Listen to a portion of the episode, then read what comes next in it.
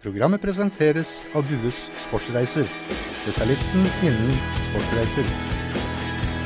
Hei og velkommen til eh, fotballradioen. Det smeller i Start om dagen. Eh, Den ene spilleren inn etter den andre, og nå den ene etter den andre også inn i administrasjonen, eh, Jesper. Eh, Ja, det er vel ti nye ansatte i, i Start bare den siste halvannen måneden til året sist. Det- Ja, Langeland og co. har virkelig vært på jobb siden eh, de kom inn i klubben. Det har vært et fokus på å styrke apparatet rundt laget, altså det laget som skal være utenfor banen. Og det må jo sies å ha skjedd når de henta inn den ene kapasiteten etter den andre. Og da ligger iallfall forholdene til rette der. Og så var det jo som du skrev i en fin eh, kommentar i går, at eh, nå er det jo laget på banen som gjenstår før det virkelig blir eliteserienivå på det også. Så Men nå blir de gode i skiskyting og eh, på- i langrenn. Ja, så slutter jo Jørgen Rostrup til nyttår, så da blir man litt dårlig i orientering, men bedre i langrenn og skiskyting. Så personlig er jeg jo større fan av både langrenn og skiskyting enn jeg er orientering. Jeg har aldri fått en fascinasjon for å løpe rundt i skauen etter et par poster, men akkurat langrenn og skiskyting, der har jeg fulgt veldig godt med, og har jo også fått med meg at eh, Djupvik har vært en veldig sympatisk, flink fyr i uh, media. Har også veldig gode skussmål fra de utøverne som har hatt med han å jobba i media òg, da. I NRK i mange år. Absolutt. Så dette ser jeg på som en uh, stor og spennende og forhåpentligvis glimrende signering. Og Så gjenstår det jo å se i nøyaktig hva slags rolle han kommer til å ha. Han er jo henta inn for uh, først og fremst å bidra utenfor sport, men det er klart alt det han har vært med på, så kommer han selvfølgelig også til å gi sine bidrag og tips og hint om hvordan det sportslige bør være. Kanskje spesielt med tanke på fysisk trening osv., selv om det er vidt forskjellige ting å trene skiskyttere og langrennsløpere og det å trene fotballspillere for å bli god i fotball.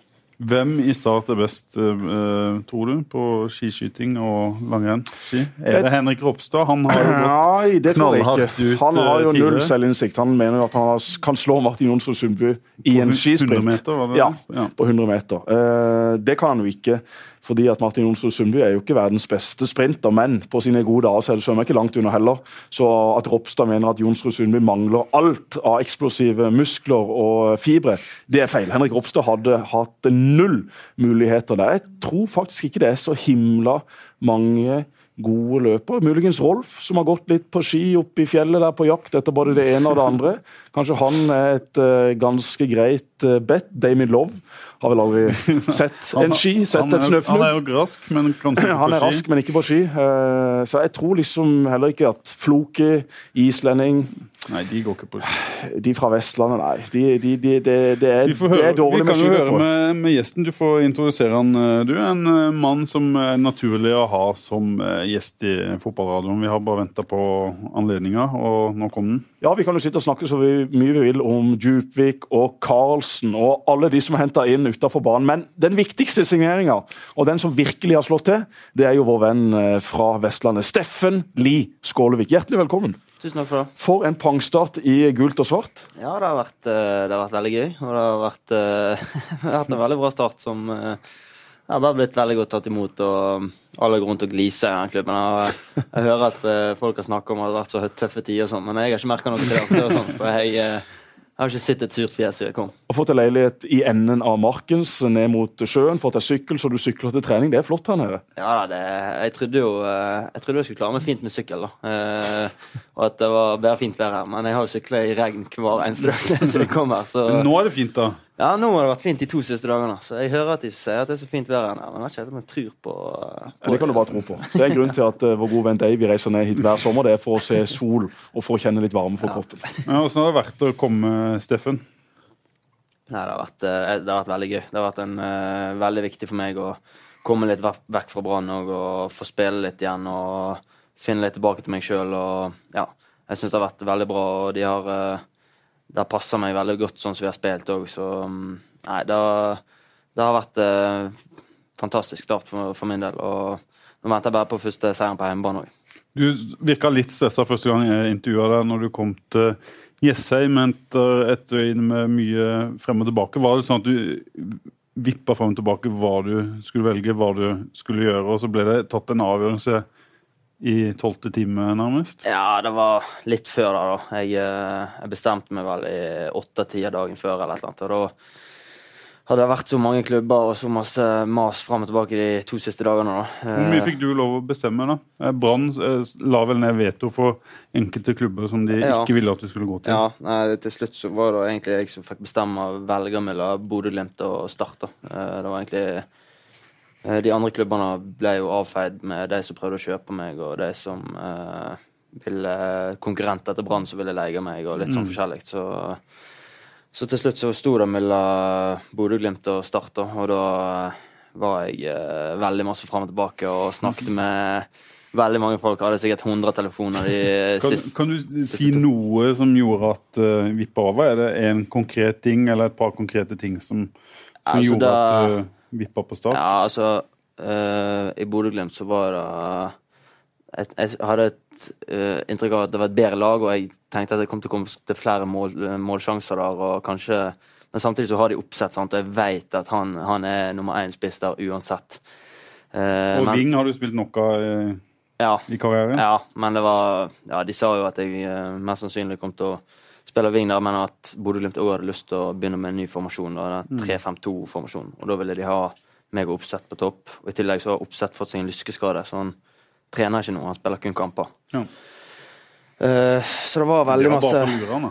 Hæ? Ja, da, da, da kan vi- du, Det er 3-5-2. sikkert masse, det det sikkert masse piss som ble sagt det siste døgnet, da. Men uh, nei, og så uh, snakket jeg med Steinar og med, med TK, da, og ja, da var det ble jo egentlig valget lett, lett til slutt. eh, Når i tillegg eh, alle mine nærmeste mange som start, sier at Steinar Pedersen er veldig god til å uh, overbevise spillere om å, å komme. Var han viktig for deg òg, eller? Ja, det var veldig stille og rolig um, samtale vi hadde, og ja, det virket veldig bra. Jeg hadde lyst til å ha lest litt om Start i de siste månedene i media og sånn. Så det virka jo så Det virka som det var noe som var på vei til å skje her, og jeg har lyst til å være med på det. Det var litt samme situasjon når jeg, var, når jeg kom til Brann òg, så var det lå de på sjetteplass i Obos eller et eller annet, og det var liksom jeg føler jeg har vært, med, vært gjennom den reisen før og følte virkelig at jeg hadde et eller annet å, å bidra med her. da. Så, og så var det i tillegg viktigere, viktigere kamper her egentlig enn i Bodø, da. For at Bodø er jo allerede oppe. Mm. her er det dødsviktige kamper hver eneste helg, og det er det som er gøy å spille. Mm.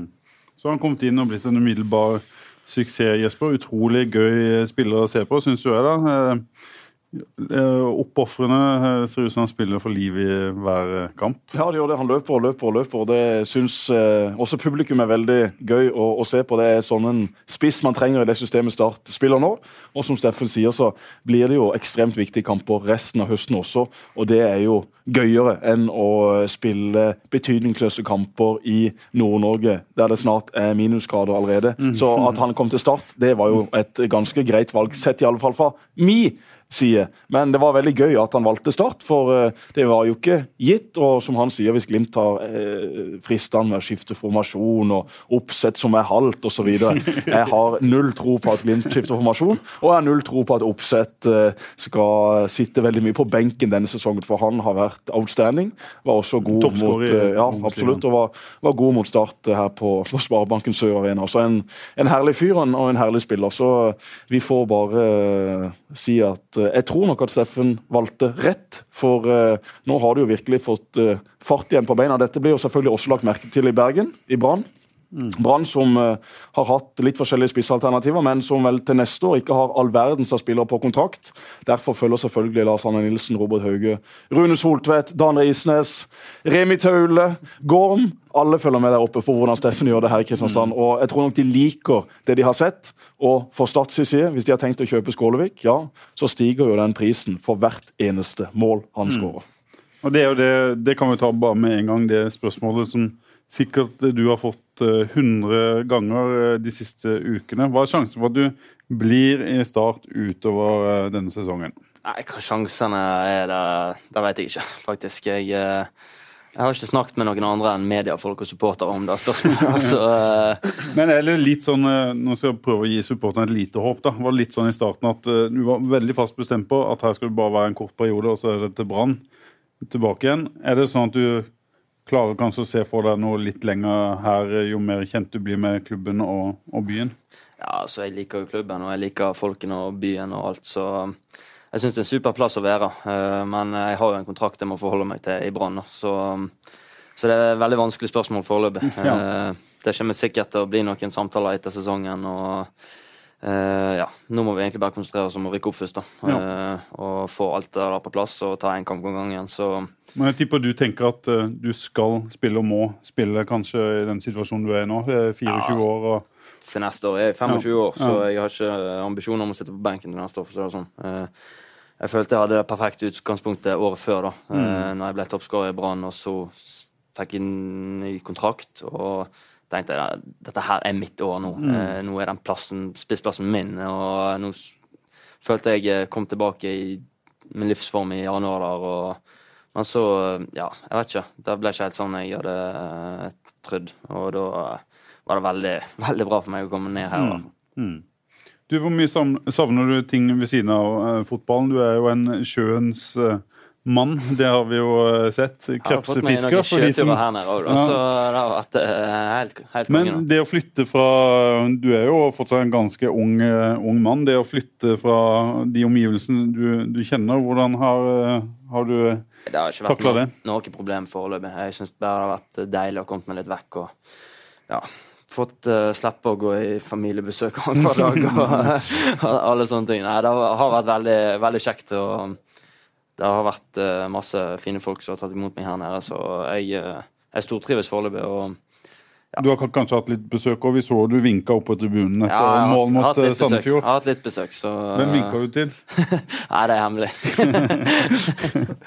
Men vi må også få klarhet i uh, krepsefiskeren Skålevik. Vi har uh, sett reportasjer, vi har lest reportasjer. Men er det sånn at uh, oppe i Bergen så har du da din egen lille båt, og så har du da fiska kreps, og så har du levert disse krepsene til noen som kjøper dem. Er det sånn det har foregått? Ja, det er kunder som kommer på kaien, og så koker vi det til. Eller det er egentlig litt hysj at vi koker det, da. For at, sånn, det er ingen på, ja. ingen på det, det, det, Vi har ingen, vi har ingen lytter. Vi selger de fersk. Vi selger de fersk, ja, og så, ja, så kommer kundene da, og bare henter de og ja, betaler. Og vi, vi er sju eh, Altså meg og min bror og fem andre da, så eier den båten i lag. Akkurat. Eh, det er kusiner og fettere og sånn. Så, ja. Det har vært en biinntekt for deg ved siden av det å være Ja, det har det. Eh, det var jo hovedinntekten min før jeg, eh, før jeg kom til Brann. Si sånn. Hvor mye kan en krepsefisker tjene i året? da?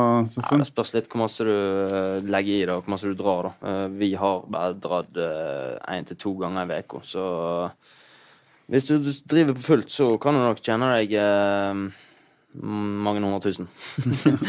Eh, men vi driver på med masse annet fiskeri med den båten i tillegg. da. Eh, Akkurat. Blant Men en, en, en to ganger i uka hvor dere tar kreps, ja. og så brukes den andre dager til å ta andre ting? Ja. Noe leppefisk på sommeren. Og, da er det min bror og den gjengen der som driver det. da. Så, det brukes altså å spise lus på, på laks? Ja, ja riktig. Ja. Vi fisker Vi har vel en kvote på 150 000 fisk, tror jeg, så snart er oppe. Uh, og den uh, det går rett i laksemerdene og eter opp Men du eh, sitter uh, her i Kristiansand, styrer båten fra mobiltelefonen og drar inn penger? Ja, jeg styrer litt krepsegreiene, men jeg har ikke blanda meg så veldig masse inn i leppefisken i år. Jeg er litt, jeg er litt bitter for det, rett og slett. Men, men denne båten har dere da kjøpt? Ja, først var det bestefaren vår som kjøpte den. da, og så og så har vi på en måte arva den i lag, da. Uh, du vet at det går an å fiske leppefisk her nede? Ja, ja, jeg har forhørt meg allerede. Så uh, for å si det sånn, hvis det blir en overgang, så, uh, så må jeg ha litt andre ting inn i kontrakten. leppefisk AS. Ja, altså, hvis du trenger en investor, så er jeg med på, med på dagen, altså. Gud, jeg, jeg, slutter gjerne som journalist og begynner som fisker. Det er min store Ikke sant? Du ja. kunne spilt inn podkast ute, ute, på De syv hav. Ja, det hadde vært perfekt. Da hadde det. Du, jeg sendte av gårde en melding til et par journalister jeg kjenner i, i BT, som du selvfølgelig vet hvem er Eh, Steffen Anders Parma, som er kommentator, Brann-kommentator, han skriver at eh, han er fra Sotras rikeste familie, men har alltid tjent sine penger selv. Ja, altså, jeg har aldri Jeg har aldri gått og snylta på noen penger, for å si det sånn.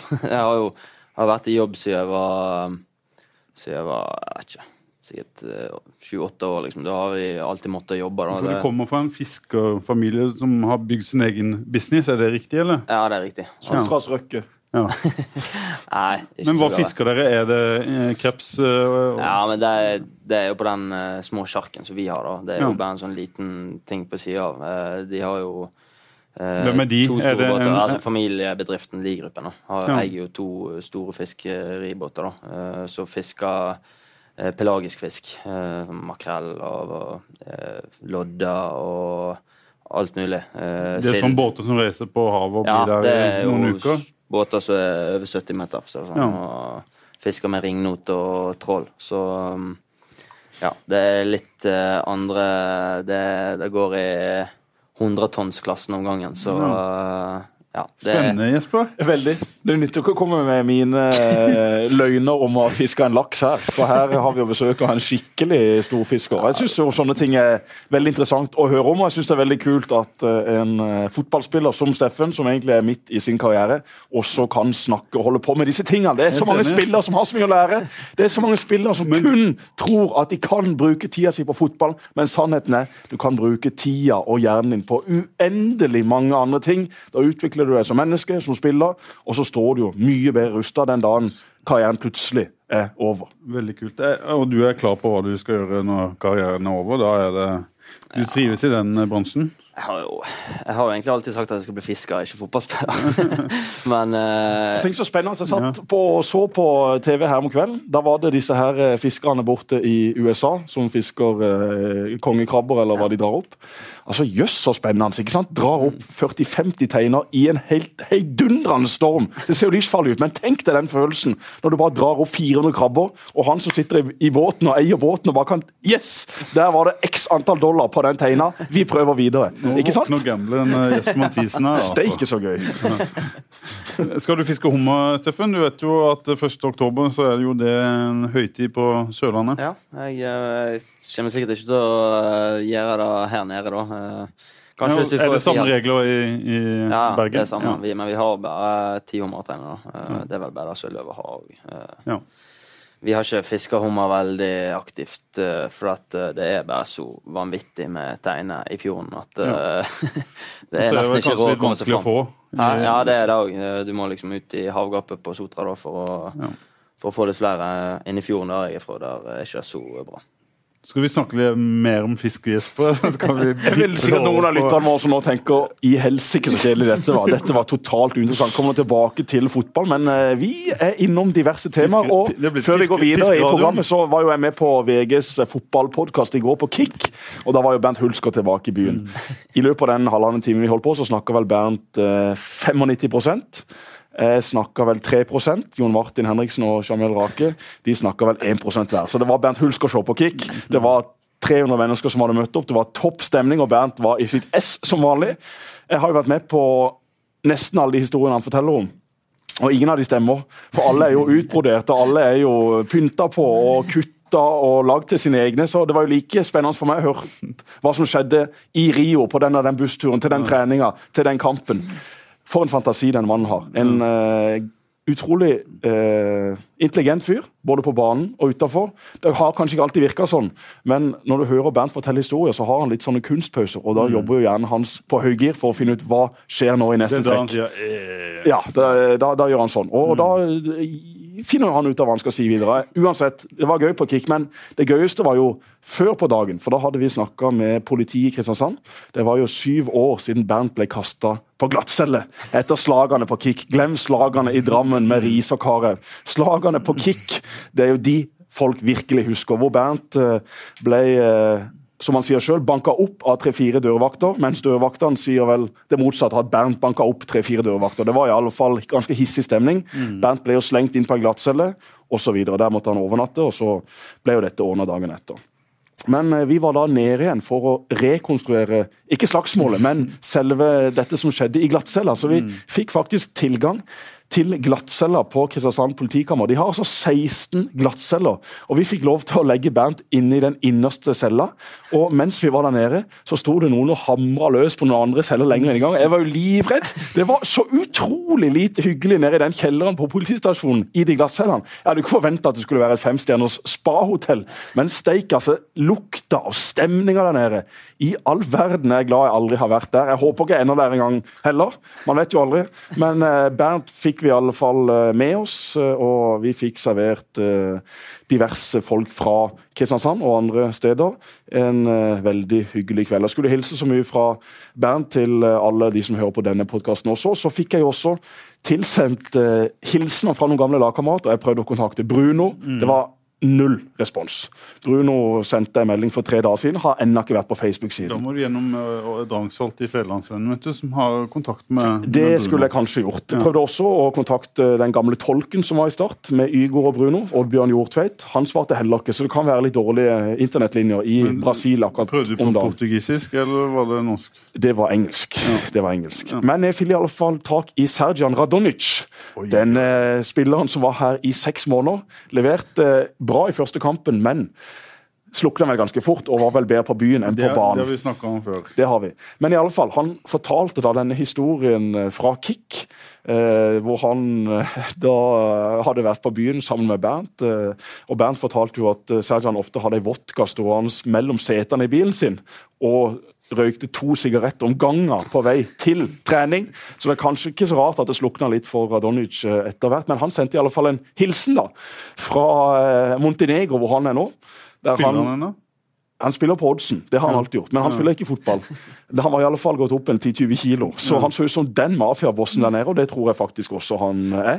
En hyggelig fyr, men en litt spesiell fyr også. Da fortalte han den historien, og jeg har jo fortalt den historien på én måte, men han fortalte den vel egentlig på en annen måte, at uh, han uh, hadde er, er, det fra denne kvelden da Bent havna nei, på Nei, det er ikke det. Det er, ikke det. det er en annen kveld. Det var flere sånne kvelder. Eh, det var ikke alle som havna på glattcelle, men Sajan ble jo stoppa av politiet da. Og øh, han nekta å blåse. Så politiet fikk ikke tatt noe test, men han stoppa fra bilen og, og, gikk hjem. Og Dagen etter så var det jo sånn at uh, min far, uh, som da var sjef i klubben, uh, måtte ta kontakt med noen av han kjente i politiet og rett og slett si at vi vet hva som skjedde i går. Vi er informert om det. Det hadde politiet kontakta Start om osv. Men nå har det vært mye negativitet rundt Start i det siste, så nå Serjan Radonic ferdig i Start om én måned. Eh, da skal han også ut av landet. Vi kommer ikke til å skrive noen ny kontrakt. så La det bli med dette. Vi vet godt at dette er totalt uakseptabelt. Vi visste ikke at dette skjedde, selvfølgelig, så vi er like forbanna som dere. Men la nå bare dette gli ut, og så skal vi få sendt han ut av landet. Og så kommer han aldri tilbake. Og det ble jo da løsninga. Sånn var det da. Jeg vet ikke om det hadde gått i dag, men sånn foregikk i alle fall dette da. Og så fikk jeg også Det høres ut som din far i et nøtteskall som ja, det kan nok eh, hende. Det var jo også flere sånne episoder på 70-80-tallet. Men da var det en helt annen stil. Han fikk det til på 2000-tallet også. Eh, sånn er det. Men i alle fall. Jeg fikk også lovnader fra vår gode venn Solomon Novello i Nigeria om at han skulle sende en video og eh, jeg venta. Han lovte å sende den i løpet av dagen. Så fikk jeg bare melding sånn i femtida. Sorry, Esper. Uh, no video. I have uh, had a bad internet connection the whole day. Så da var ikke internet connection kjempebra i Nigeria. Jeg fikk riktignok en hilsen like før sending, men den varte i to og et halvt minutt. Og det var vel ikke akkurat den hilsen jeg hadde sett for meg. Det var liksom? Han spilte fotball, hadde akkurat vært på trening. Så han spiller nede i den nigerianske ligaen. Så, han er vel i laget som heter Niger Tornadoes, eller det det heter? Der han kom fra? Være, det kan godt være. Men uh, Solomon så bra ut, og uh, jeg skulle hilse så mye til alle i Kristiansand. Han savna byen. Han uh, fulgte med på Start og var veldig glad for at Start lå og kjempa i toppen av tabellen, og at de nå kom til å rykke opp. Så det var gårsdagens små hilsener fra det store utland. Veldig, veldig spennende. Steffen, din barndom, hvordan spiller var du når du var yngre? Nei, jeg var egentlig samme spiller som jeg er nå. Stjernespiller? Ja, jeg var en uh, spiller som uh, krigde godt og skåret masse mål, da. Så uh, jeg hater i hvert fall å tape. Og da når vi var veldig små, da, så hadde jeg lært meg noen banneord så lagkameratene mine fikk høre hvis de ikke gjorde jobben.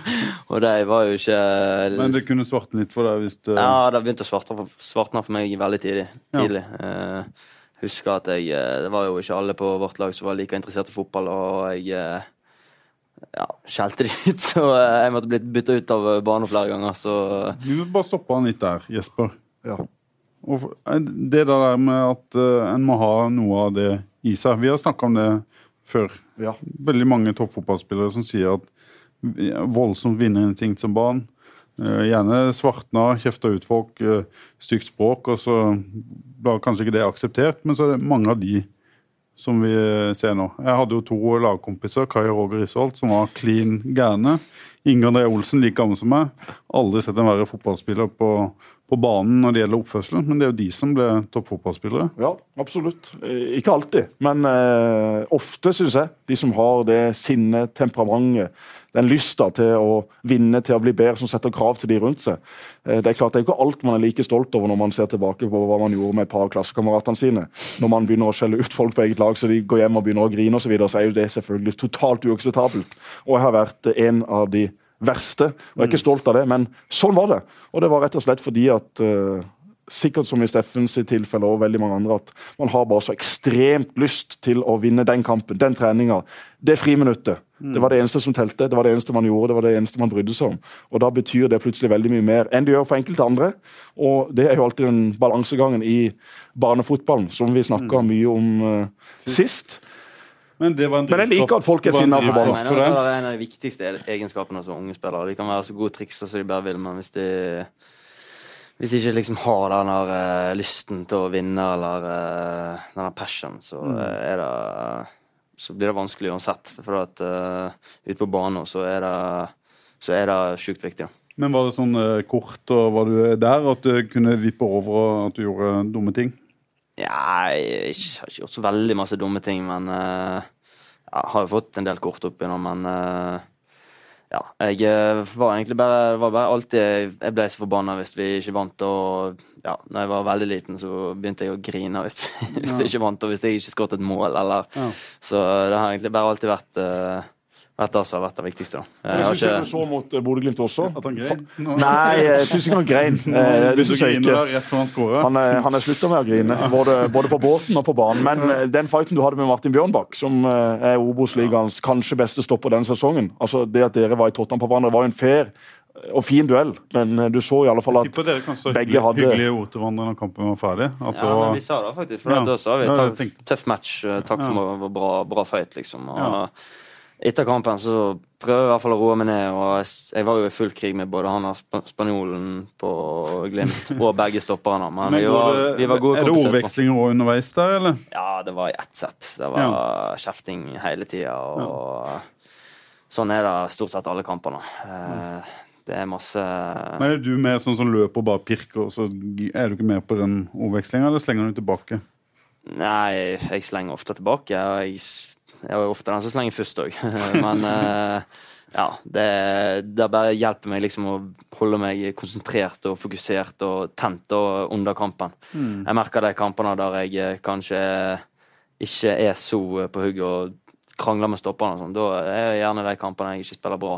Mm. Så jeg prøver hele tida bare prøve å tenne meg sjøl opp, og da må du gjerne begynne å krangle litt med noen for å bli litt forbanna. Du syns han har gått i lære hos deg, Jesper? Ja, det høres litt sånn ut. Nei, men Jeg er helt enig med det Seffen sier. Eh, Hvis jeg var forbanna og krangla, og, og alt sånt, så visste jeg ja, ja. Må da komme med hva de vil. Men hvis man er liksom litt nedpå, man blir litt sånn ah, Det var ikke så nøye. Da er det jo fare på ferde, for da har du ikke det nivået du faktisk har. Og det er jo individuelt fra spiller til spiller. Noen spillere står i garderoben og slår hull i garderobevegger og slår hverandre i trynet og seg sjøl i trynet og pisker seg opp med kaldt og varmt vann. Og så kommer de på banen, så er de snille som lam. Og så har du andre som kan sitte i garderoben og være verdens løveste, men med en gang dommer blåser, så klikker det totalt. Og mye heller det enn de som skal stå i garderoben og være klin kokos og være liksom ledere i hermetegn. Lederne viser seg først og fremst når kampen er i gang, ikke den siste halvtimen før match. For da er det veldig lett å stå og rope Hei, gutta, i dag skal vi faen meg smelle til, i dag skal vi klinke til, i dag skal vi være gode, i dag skal vi løpe, i dag skal vi vinne. Ja, men vis meg det på banen, da. Ikke stå her og gaul om det i garderoben. Ikke bruk opp stemmen din før kampen er i gang. Vent! Og det er så mange spillere. Som pleier å si før vi starter fotballradio nå, hvis noen kommer med historien. Vent, sier Ikke sant? Vi skal ha det på sending. Ja, ikke snakk gjennom dette før sending, og heller ikke etter. Vi har hatt utallige gjester som har kommet med sine beste historier ut av studio! Kan du tenke deg noe så dumt? Du må jo fortelle det nå! Mute-knappen ikke er skrudd på. Helt enig. Ja. Steffen leverer iallfall. Valestrand, er det din eh, barndomsklubb, eh, Steffen? Eh, Nei, det var i hvert fall eh, en klubb jeg likte å score mot da jeg var yngre.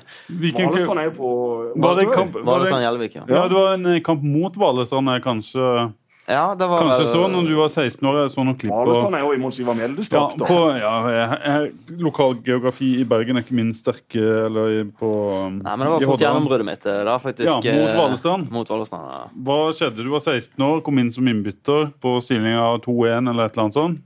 Ja, noe sånt, og ti minutter igjen. Og det var jo den toppkampen om å rykke opp til rykke opp til tredjedivisjon. Ja. Eh, Så da jeg slengt innpå der og skåret hat trick, og vi vant. Så eh, det var veldig gøy. Jeg så de klippa med kommentator i stad. Ja, veldig bra kommentator da, faktisk. Ja. Hvem var det som kommenterte? Nei, det vet jeg ikke. Det Det var en lokal fyr på Valestrand Gjelvik. Det Valestrand Gjelvik har jo noen av landets beste supportere. Det har de. Det må vi få lov å si. Ja, det var jo en direktesendt kamp tydeligvis, som gikk på en eller annen lokal TV-stasjon eller Ja, på internett. Ja, eller. sånn var det. Det var alltid stort når vi skulle møte Valestrand, for at de lagde en sånn svær greie av kampen. Ja. Spesielt når det var toppkamper, og de kom jo med flere hundre supportere til Sotra de, for å støtte laget sitt. Men. Var dette borte eller hjemme?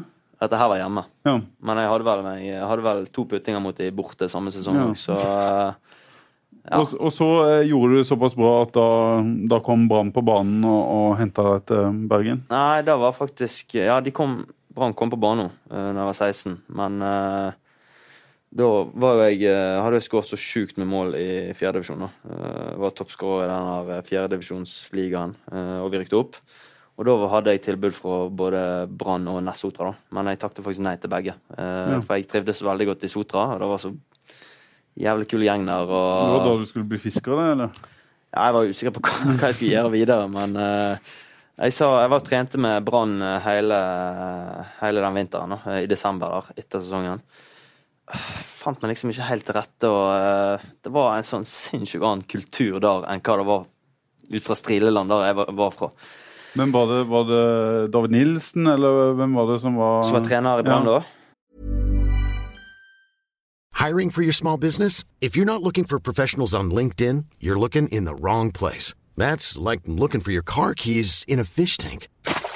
LinkedIn helps you hire professionals you can't find anywhere else, even those who aren't actively searching for a new job but might be open to the perfect role. In a given month, over 70% of LinkedIn users don't even visit other leading job sites. So start looking in the right place. With LinkedIn, you can hire professionals like a professional. Post your free job on linkedin.com/people slash people today. Nei, da var treneren i Brann var, Så var Helge. Nilsen. Ja. Eh, og så var det um, I Sotra var det Sjur Aarhus, da. Ja. Uh, og i Nest var det en som het uh, Petter Bakke, tror jeg han heter. Ja. Uh, I hvert fall, Jeg sa nei til begge de to klubbene der og ville bli i Sotra. da.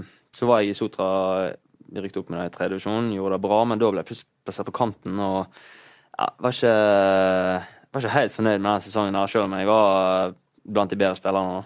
Og så da angra jeg så sjukt på at jeg ikke hadde gått til Nest eller til Brann. da.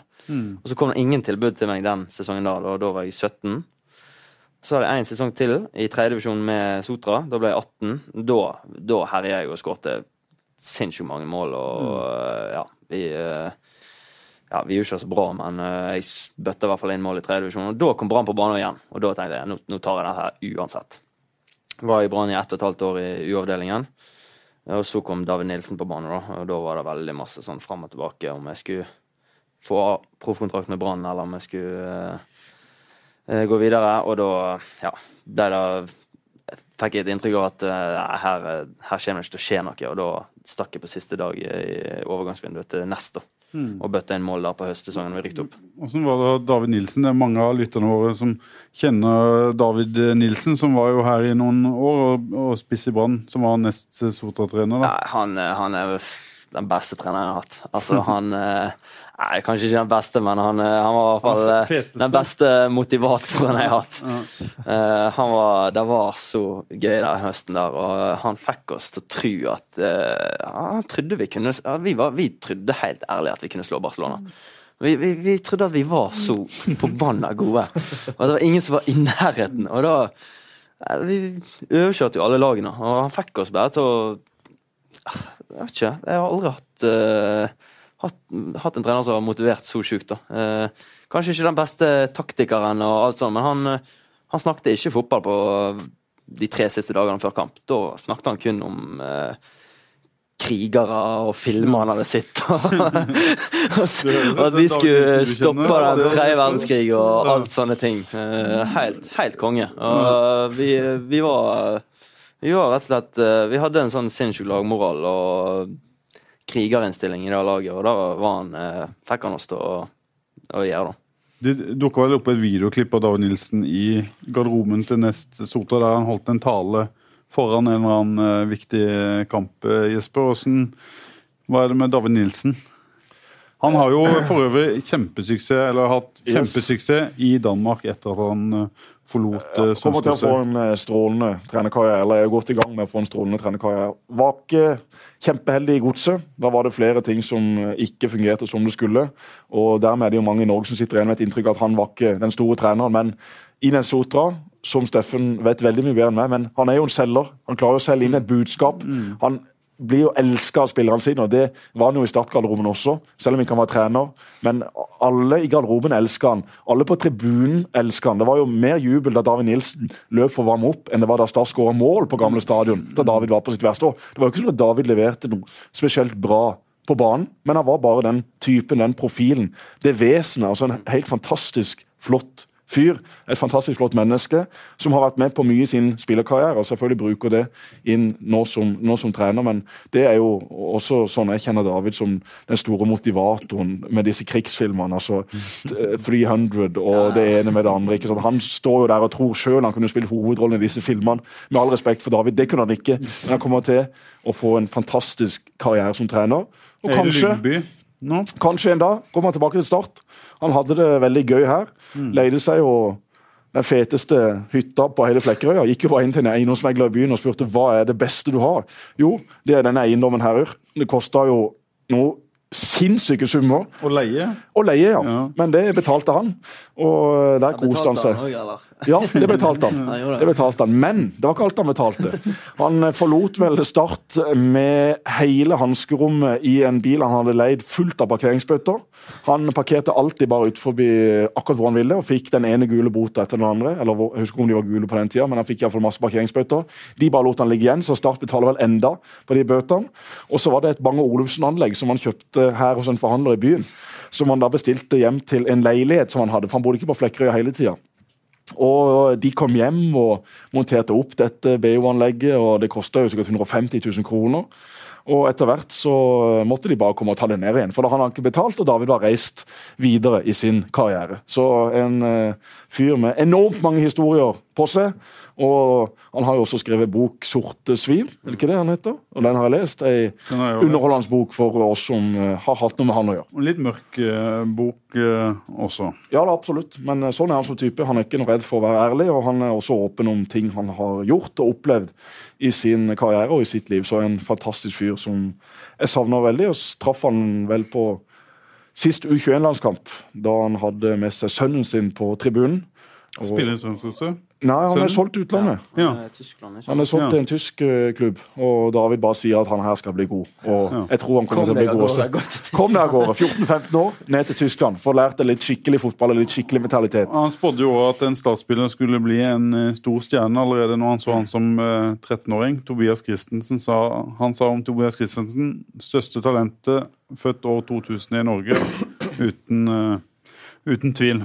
Da trente vel han Fyllingsdalen og hadde hatt med seg Tobias på en uh, turnering. Ja. Du eh, vokste opp på gård med villsvin, sauer og kyr. Ja. Er det mye dyr her? det, det er mye dyr. Det holder ikke med fisk og kreps og hummer. Vi må opp på land vi, òg. må, vi måtte ha litt sånn uh, gårdvirksomhet òg. Ja. Åssen har det vært? Nei, det har vært kjekt. Jeg er gl veldig glad i dyr. Vi har jo uh, blant annet en påfugl i hagen. eh, og eh, han er ikke akkurat Han er ikke alltid uh, like grei å drive og gaule klokka seks om morgenen utenfor vinduet. Så og så jeg trodde jo at han eh, skulle bli eh, snadd øye, da, for vi har hatt han i ti år nå. Og jeg er så lei den gøvlingen hans. Men det viste seg at han er midt i puberteten nå. Han, er, han, blir, 50, han blir 50 år! Så jeg ser for meg at jeg må arve han etter pappa. Uh, ikke veldig interessert i det, egentlig. Det, dette høres litt ut som Rolf, som snakker om sin katt Monsen. For Rolf ønsker jo egentlig Monsen død. Han gir han jo kun First Price mat, og, og er jo egentlig lei av den katta. Han skjøt jo bikkja si. Han skjøt bikkja si, eh, men det var jo et uhell. Han er glad i bikkja si, eller om det var broren sin bikkje. Han skjøt iallfall ei bikkje på fjellet når han skulle gå på jakt etter rype. Eh, men eh, for all del, Rolf må ikke miste jaktlisensen pga. dette, for jakt er noe Rolf setter veldig høyt. Han er en god jaktmann. Mm. Helt der oppe sammen med Lars Monsen og de andre som trasker rundt i skauen i ukevis. Men han har jo også et dyr ikke han er veldig glad i, så jeg tror nok ikke han hadde sorga veldig mange timer om Monsen hadde mm. daua. Men det siste jeg hørte, var at Monsen faktisk lever, selv om ikke han får den dyreste maten fra butikken. er du en jaktmann, Steffen? Eller er det mest Jeg har uh, jakta litt, faktisk. Ja. Jeg uh, tok med meg uh, hagla ut i skauen et par ganger i fjor. og det ble uh, noen uh, årfugler. Ja. Men uh, har ikke vært har ikke, har ikke, jaktla, har ikke, har ikke jaktlappen. Også, vi må... jakt, ja, jeg tok med meg hagla ut i skauen Da vil jeg si at du driver med jakt. Da. Har ikke jaktlappen. Ja, jeg, har ikke jaktlappen, så jeg tror ikke vi må si det til naboene at det var jeg som Nei, men som sagt, Vi har ingen lytter på Vestlandet, så det går veldig fint. Det går veldig fint. Og så det, det, er Mats Bøyen som skriver. Han leder an sølvfeiringa på fotballpuben i, i, fjor. Du er glad i litt liv òg? Ja, ja. Vi kan ikke bare være superseriøse. Vi må få litt eh, avkobling av og til òg. Og, ja, og kose oss litt med lagkameratene. Spesielt når vi har tatt sølv. Det var veldig gøy i fjor. Eh, det jeg husker. og det var jo litt av en sesong i fjor. Altså ja. Det å rykke opp og egentlig uten å forsterke laget så kjempemye, klare å ta sølv. Ja, det var, det var fantastisk gøy. Det var, det var Vi fikk en sånn Lars Arne må jo ha gjort noe av det samme som David gjorde med dere i Nesotra. At dere ja, ja. trodde enormt på hans budskap. Ja, ja. Vi så jo hvordan vi kjempet og krigde i fjor. og Jeg tror ikke det var noen som var i nærheten av å vinne like masse dueller som vi gjorde. Uh, og hver gang vi tok ledelsen 1-0, så hadde vi en sånn sjøltillit som gjorde at vi bare, vi bare visste at vi kom til å vinne. Selv om, om de preste på. Vi, vi bare visste at den ballen får vi vekk, og den, vi kommer til å få et kast bort på motsatt side og dra ned tempoet igjen. og så vi Nei, det var, det var vanvittig gøy. Det var så masse tette, jevne kamper så vi klarte å bikke i vår favør. Du ble toppskårer. Sikkert ikke så mange som Eller noen vet jo, men kanskje ja, ikke alle. Var, jeg hadde noen veldig gode opplevelser i Branndrakta i fjor. Og ja, fikk noen uh, viktige matchvinnerskåringer der, så det var Selv om jeg ikke spilte så masse, så var det en vanvittig gøy sesong og veldig bra uh, stemning i gruppa. Og ja, vi uh, vi eh, trodde på, virkelig på det vi gjorde, vi gjorde på. Og det har jo Brann eh, gjort enda bedre i år, egentlig. Mm. Eh, med tanke på å ha begynt å skåre mye flere mål. Så eh, jeg tror, eh, jeg tror ikke Brann eh, kommer til å komme noe lenger ned på tabellen til neste år igjen, i hvert fall. Jeg tror ikke det. Hva tror du, Jesper? Med din gamle lagkamerat Bismarck Kostav som som stopper Ja, Bismarck, eh, eller Bismarck som han egentlig heter. Vi har kalt han Bismarck her i alle år, så vi fortsetter å kalle han for Bismarck. Eh, han er en av Eliteseriens beste stoppere, og det var ikke noen bombe at han eh, leverte i, i Bergen. Eh, Vito Wormgård også, som han nå spiller sammen med, er jo en klar forsterkning i forhold til Vadim Demidov, som var der sesongen før. Eh, Brann trodde jeg skulle skuffe i år i forhold til det de viste i fjor. For det syns jeg var unaturlig solid. Og jeg trodde liksom at eh, i år får Brann virkelig møte, om ikke veggen, i alle fall litt mer motstand. Men de har eh, levert eh, akkurat like bra. Og så har Safsborg heva seg, som uh, gjør vel nå at de er den største favoritten til å ta sølvet. Men skulle Brann uh, ta en uh, medalje også, så vil jo det være veldig solid. Og da viser det jo at det er kontinuitet i de prestasjonene, de gode prestasjonene vi har hatt. Og all ære til Lars Anne Nilsen og Robert Hauge og og hele den gjengen som har jobba der oppe for den snuoperasjonen som han først og fremst har stått for. Husk på at han tok over Brann etter Rikard Norling. Da lå Brann på midten av tabellen i Obos-ligaen. Hadde fått grisebank av Levanger på Norges dårligste kunstgressmatte. Alt så mørkt ut. Så kom han inn, så klarte han å snu det. Først et opprykk. Det heller var ikke given for Kristiansund. var det laget som var mest solid og tok klart flest poeng. Og så måtte Brann da kjempe seg opp. Klarte det. Og så har de rett og slett vært enormt imponerende i Eliteserien. Og det må jo også være håpet for en klubb som Start, som nå ligger litt bak Glimt, ja, men som nå har forsterka seg klart i sommer. Det er ikke så veldig mye som skal til før det plutselig er med å kjempe oppe i toppen av Eliteserien. For hvis du tar vekk de to-tre beste og mest stabile lagene med mest penger, ja, så er den gruppa bak der veldig jevn, og det skal veldig lite til. Litt flaks, selvfølgelig, men aller mest dyktighet, så er du plutselig med og kjemper helt der oppe. Og Noen nye spillere som eh, Steffen og kanskje noen, noen flere som er starta. Har du troa på at eh, Starts vei kanskje ikke er så lang, eh, Steffen, som Jesper Ja, ja, absolutt. For at uh, forskjell fra nedre del på Tippeligaen og Obos er ikke så stor. Eh, det er litt forskjell, men altså det, det er såpass mange lag som er så jevn, jevn i Jevnt dårlig, vil jeg nesten si. Eh, at eh, det er absolutt mulig. Eh, den verste jobben er nesten å komme seg opp. Det er jo steintøffe kamper hver gang. Så jeg tror hvis Start kommer seg opp, så har, har de alle, alle muligheter for å klare å få en god plassering i Tippeligaen. Og Så blir det en tøff kamp eh, allerede for Start i helga, borte mot et desperat Fredrikstad-lag. Vi eh, har jo Bodø-Glimt-kampen friskt i minne, og det var gøy å få se en kamp eh, på stadion igjen. Jeg får ikke gjort det når jeg sitter og maser i studio oppe i Bergen. bedre på bortebane enn eh, det var Jo, men skal vi bare Borte- dra, dra fort gjennom de som faktisk uh, debuterte, eller han som faktisk debuterte i Midtforsvaret på tirsdag mot Bodø-Glimt. Mm. Du ser jo at han er rask, du ser at han er uryddig, du ser at han trenger tid. Var jo den som lagde straffe, eh, var etter hvert en som ble utvist. Så det var vel ikke noen sånn strålende debut, men jeg syns uansett at det er iallfall en, en mann med fysikk og fart som Start har skreket etter i lang tid. Så han må selvfølgelig få bedre tid. Skåleviks i skåring trenger vi nesten ikke snakke om. Det var rett og slett uh, veltklasse. Ja. Det var uh, strålende. Kølende i lengste. Litt som å se Espen Hoff i sine glansdager. Inn litt fra venstrekanten, og så bare pang i det lengste hjørnet. Litt dårlig keeperspill, vil jeg hevde. Jeg vet ikke, Steffen, om Ja, han er enig i det? eh, Men da skulle jo ikke si det. Da har vi Steffen på besøk. Skal bygge Han så ut som eh, Peter Shilton da han, Ja, eh, han var jo- på sitt verste. Han hadde jo mindre rekkevidde enn en Renault Zoe fra 2008. Så det var klart eh, Keeperen var ikke fullt på høyde, men uansett. Vi tar ikke bort prestasjonen Nei, og avslutninga til Steffen. Nå skal vi skryte han, bygger han opp, slik at han også senker Fredrikstad. Men den andre spissen som kom innpå, Floki, den skåringa den kunne ikke keeper gjøre noe som helst med. Det var rett og slett eh, klasse. Og det ryktes jo at vi får se disse to gutta på topp sammen mot Fredrikstad.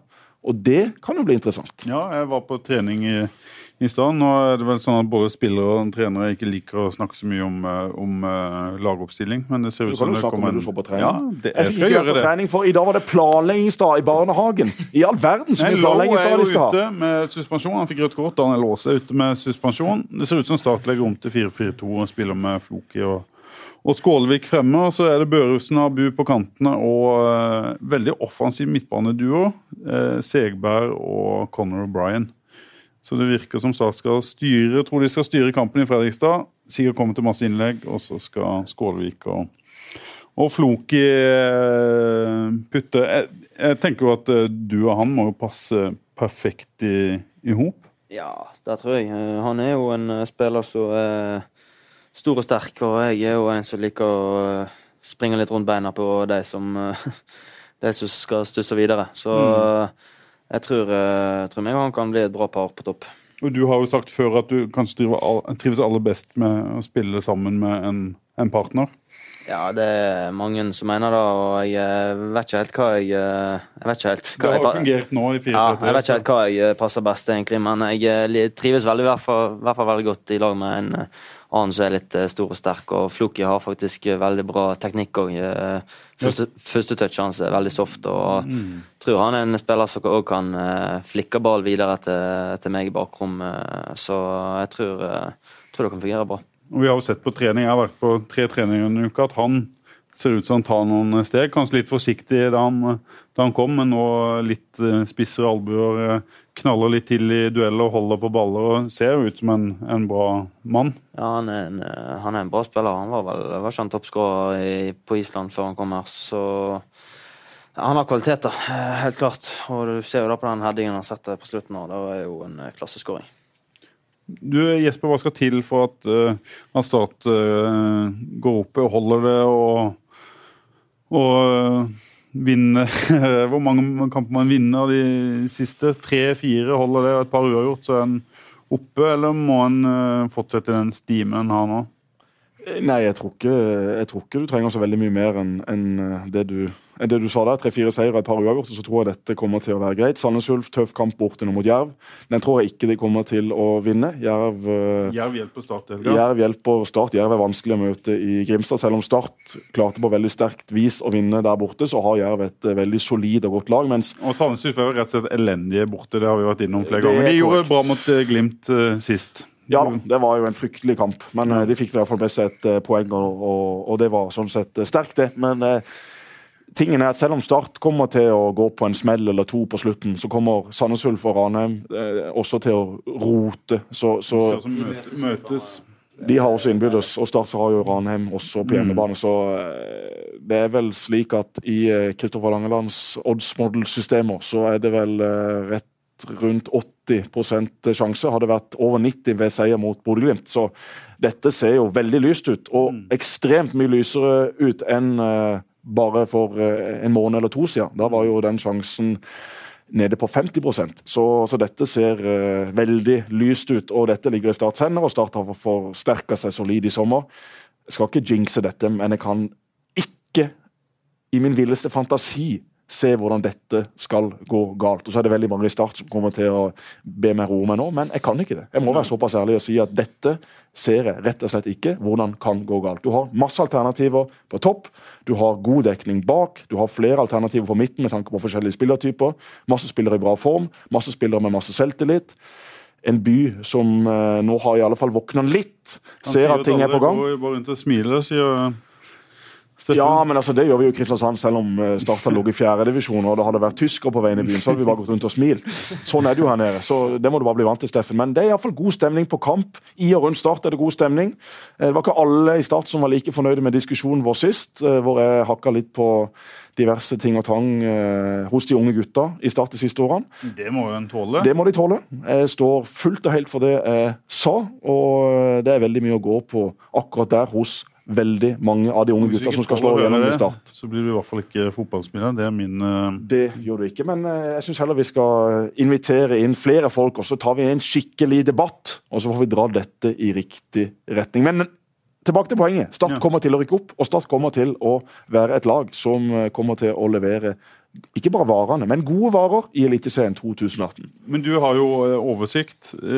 Spå litt hva som kommer til å skje hvis eller når eh, Start går opp. Hvor mange spillere tror du blir, blir henta? Hvordan vil en stall eh, neste år eh, se ut? De spillerne som er henta i sommer, er jo henta også med tanke på å bidra neste år. Noen av de, i hvert fall. Steffen er jo bare på lån, så Mm. det gjenstår jo å se hva som skjer med han. Og Brian er jo bare ut sesongen. Ja, men eh, det er vel ingen som kommer til å grine seg i søvn om han forsvinner. Det finnes nok av spillere som kan erstatte han, og som Ja. vil være over hans nivå. Men da snakker jeg først og fremst om Floki, eh, som kommer til å spille i et frontledd. Og så har du da henta inn en stopper fra Jamaica, som eh, også er henta Selvfølgelig med tanke på i år, men først og fremst med tanke på neste år. For han kommer fra en annen verdensdel, har spilt en annen type fotball, et annet system. Han må få tid til å tilpasse seg dette. Og så har du jo Simon Larsen, som er kaptein. Og så syns jeg du har god dekning på venstre bakk, med både Vikstøl og Ropstad. Eh, og så har du en høyrebekk, Erik Vikne, som har vært Skogmo forsvinner vel ut av kontrakt? Skogmo er ute av kontakt kontrakt, og han forsvinner nok. Og så har du Vikne, da, som har hatt en meget god sesong uh, i år, som har tatt store steg. Og så er jo spørsmålet Men det er naturlig å hente inn en som kan konkurrere med Det vil jeg se på som en naturlig ting å gjøre. Ikke fordi at jeg ikke tror at Erik Vikning kan bli en solid og god eliteseriespiller, men han kan fort være at han trenger enda litt mer tid. Og Så er det jo spørsmålet hva slags system kommer Steinar til å spille neste år. Er det 4-3-3? Skal han legge om til 4-4-2? Det kommer an på hva slags spisser som finnes i, i klubben. Har man både Steffen og Floki f.eks., så vil det jo være naturlig å prøve å få brukt de to samtidig. Og, og Steffen også er jo klart best som, som spiss. Så eh, hvis vi sier at eh, Et par kantspillere, kanskje? ja, jeg vil tippe at eh, TK og co. ser for seg å hente inn en Selvfølgelig avhengig av hva som ryker ut, men at hvis vi tar den elveren som er der i dag, at du trenger tre-fire mann eh, som er veldig god kvalitet, så er du plutselig og kjemper på øvre halvdel av eliteserietabellen. Og det er jo det som må være målet neste år, ikke å rote rundt, ned, rundt nedrykksstreken, men å faktisk etablere seg og vise at vi har tenkt å være stabilt eliteserielag i tida som kommer. Hvem, eh, hvem er, det, er det noen som kommer unnifra som kan slå seg inn på laget? En har jo sett Vikne og Og Segberg kan eh, Ugland, eh, Christensen. eh, Er de, er de der, eller må de kanskje av gårde en tur og så komme tilbake om noen år? Har Start blitt så sterke at, at de eh, må vente lenger enn det, de kanskje trodde? Det kan skje veldig mye på seks måneder, og det er seks-syv måneder til sesongen neste år starter. Spesielt for disse unge gutta kan de ta store steg, men det er ikke noen sånne åpenbare nå som jeg ser for meg at kommer til å slå seg inn neste sesong. En kan ikke se nå Kristoffer Ayer eller Mathias Rasmussen. Selv om jeg har veldig stor tro på Tobias Christensen, så må han også heve en del sider av spillet sitt, og da kan det godt være at et utlån for han for eksempel vil være det beste. Kanskje da til en Obos-ligaklubb. Kanskje til en eh, toppklubb i andredivisjon. F.eks. Arendal, hvis de nå rykker ned og spiller der for Mathias. eh, Ny stadion, eh, god medspiller osv. Så, videre. så Fin by. ja da. Det er jo det, hvis du sammenligner med, med, med Ja, jeg skal ikke snakke stygt om andre byer. Arendal er en grei by. Ja. Ah, Kai Risvold, forresten. Han bor i Arendal, ikke sant? Ja, ja. Han driver jo hele tida og sender sånne Snapchat-videoer til folk, og er jo ekstremt opptatt av dette med å delegere. For han mener en god leder er en som er god til å delegere. Han holder på å bygge et båthus eller et eller annet. Har du sett dette? Etterlyser han eh, jobber? At folk kan komme og rydde Nei, ikke disse ryddepostene han har på Facebook. For der er det jo ofte bare bilde av masse rot. 500 kroner til de som henter dette. Og så kommer det jo da noen eh, gærninger fra Arendal eller Ryken eller hvor de kommer fra og plukker opp dette og får da betalt av Kai. Men han holder i alle fall nå på å bygge et båthus der borte. Vi har blitt lovt at han skal komme her i fotballradioen veldig snart, så jeg skal ta oss og ringe han senere. Gjør det. Men uansett, hva var det vi snakka om? Ja, vi snakka De unge gutta? Ja. Det er ikke noen sånne åpenbare spillere jeg ser kommer til å slå gjennom i 2018. Det vil nok være det beste fordi at det går på et utlån. Eh, eventuelt at eh, de får eh, betydelig antall minutter gjennom en hel sesong. Men da må nok noen av disse ta steg. For det er klart at nå blir også kravene til de unge høyna når det blir henta inn spillere på et annet nivå. Du har en annen eh, Ikke seddelpress, men du har en lommebok i bakgrunnen som gjør at du faktisk kan kjøpe spillere, og ikke bare må finne de som er gratis. Så, så det legger jo også føringer for hvordan Start som klubb kommer til å drive. Men Start er jo også veldig opptatt av at det viktigste for Start er jo faktisk å ta hånd om Sørlandets talenter og få fram unge, gode spillere fra egne rekker. Så Nå blir kravene skjerpa, det er det ingen tvil om. det blir det selvfølgelig. Og det var også som du helt korrekt skrev i en kommentar, at når alle disse spillerne ble henta inn i sommer, så går selvfølgelig det ut over noen av de unge lokale. Men sånn må det bare bli. Ja. Skal Start etablere seg i den riktige divisjonen? Det var mange som trodde det var veldig kritisk til det. Jeg konstaterte vel egentlig bare at uh, sånn blir det. Det blir mindre spilletid på Seberg og Christensen. Jeg synes jo det er litt, synd, selvfølgelig, i og med at de er lokale spillere. Men uh, folk må jo skjønne at uh, når nivået løftes, så blir det mindre spilletid. En, spiller som mange spør meg om, Lars Jørgen Salvesen, som har vært en sånn en, ja, eh, publikumsfrier. En eh, populær mann.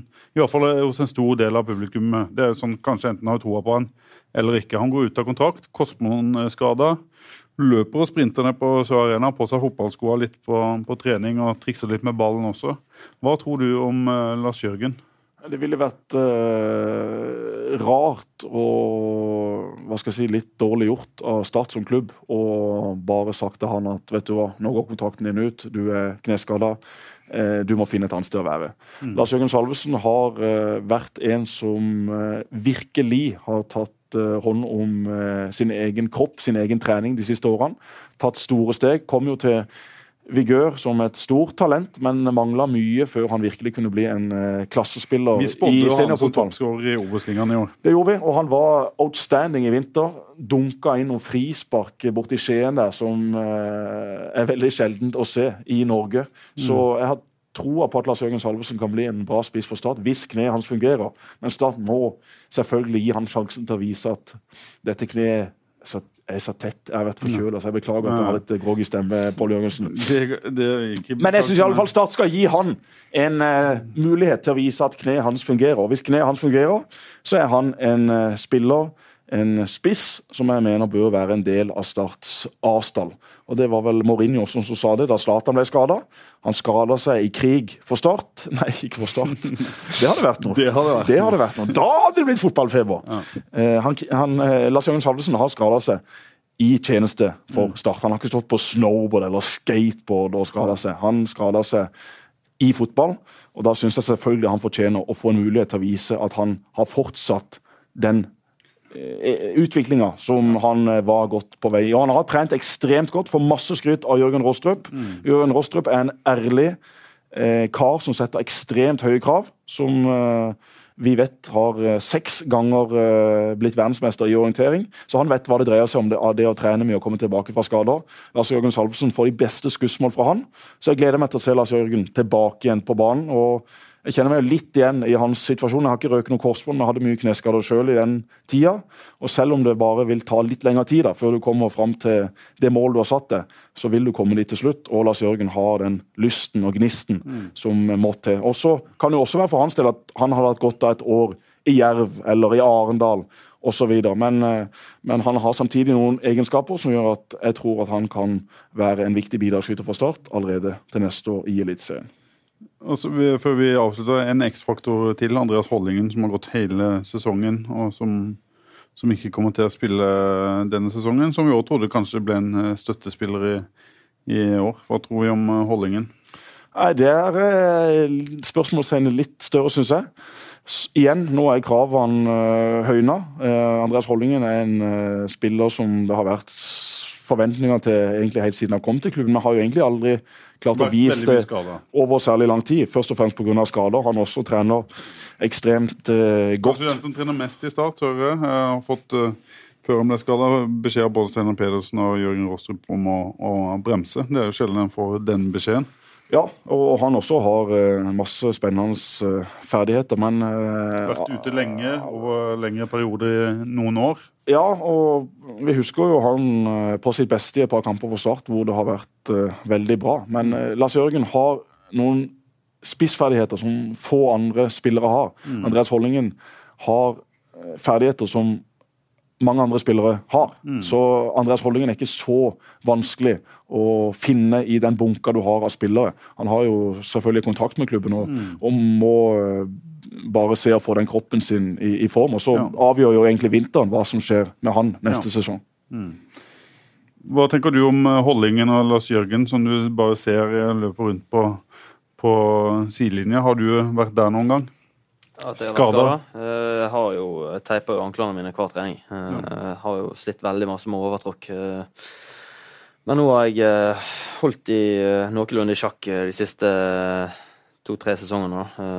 Men som sagt, jeg tror jeg har røket det meste som er mulig å ryke der nede. Så, men jeg har aldri vært sånn et halvt år ute. Det meste jeg har vært ute, er vel tre måneder, og det er jo vanvittig frustrerende. Men du må liksom bare prøve å holde motet oppe og trene og, og ha, prøve å ha motivasjon til at du skal komme sterkere tilbake. Da. Så vi lar det være siste ord for i dag. Så får vi ønske Steffen og resten av Start lykke til mot, eh, mot Fredrikstad. Får han vanvittig mye folk på søndag? Ja, og mye grunn til det er at Kaptein Sabeltann skal ha pauseunderholdninga. Fordi at Terje Formoe er Fredrikstad-fan, og Joakim Heier, daglig leder i Fredrikstad, klarte å uttale at Kaptein Sabeltann egentlig er fra Fredrikstad. Han er egentlig Fredrikstad-fan. Kaptein Sabeltann er da ikke fra Fredrikstad. Fordi at Terje Formoe driver roter rundt der borte. Sabeltann er fra Kjuttaviga, og Kjuttaviga ligger i Dyreparken, og Dyreparken ligger rett ved siden av Sørlandssenteret. Så la det være null tvil om det. Sabeltann, Pinky, Kjuttaviga, Pell og Pysa, Sunniva, Langemann. Altså, Jeg kan alle disse sangene utenat nå, for Svein sitter jo på morgenen, på kvelden og ser på Sabeltann. Gud a meg! Jeg har sett den samme forestillinga nå 100 ganger de siste 100 dagene. Nå har vi også investert i Hakebakkeskogen. Hvilken forestilling er det? Er det Drømmen om Nei, Sabeltanns rike? Ja, Drømmen om Sabeltanns rike. De er ute i en sånn bitte liten sånn eh, plastbåt med en motor. Ja, ja. Og så drømmer han, og så er de oppe i Kaptein Sabeltanns borg. Og så eh, Fun fact, det er min far som har laga den eh, det det? filmen, eh, Jesper. Er det det? Det er det. Gi en skryt. Ja. Bra film.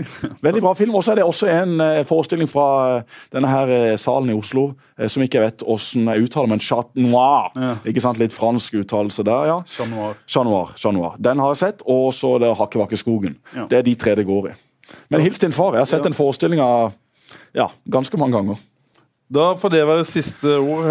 Hei, pappa, og ha det. Og hvis Steffen blir i Start, så blir både meg og deg med på å investere i en fiskebåt. Helt klart. Deilig! Sign him up! Programmet presenteres av Dues Sportsreiser, spesialisten innen sportsreiser.